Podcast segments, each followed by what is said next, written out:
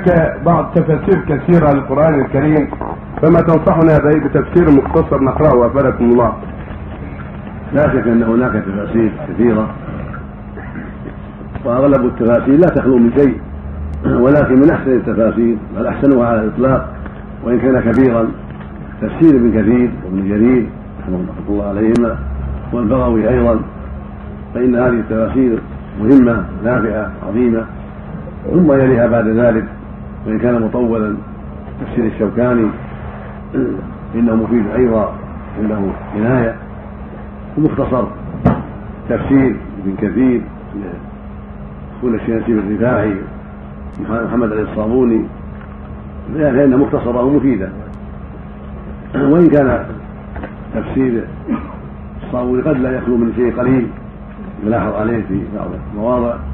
كذلك تفسير جلالين مفيد ولكن فيه ملاحظات حول بعض تأويل الصفات. نعم. فقل لا يلزم شيء لكن طالب العلم إذا رأى شيئا يستنكر يسأل أهل العلم ويراجع كتب أهل العلم. نعم. أحد الأخوة يقول نذرت أنني إن فعلت العادة كذلك تفسير الشيخ ابن سعيد تفسير مفيد للعامة لأنه ليس فيه مواضع إشكال. هو تفسير مفيد وجيد. نعم.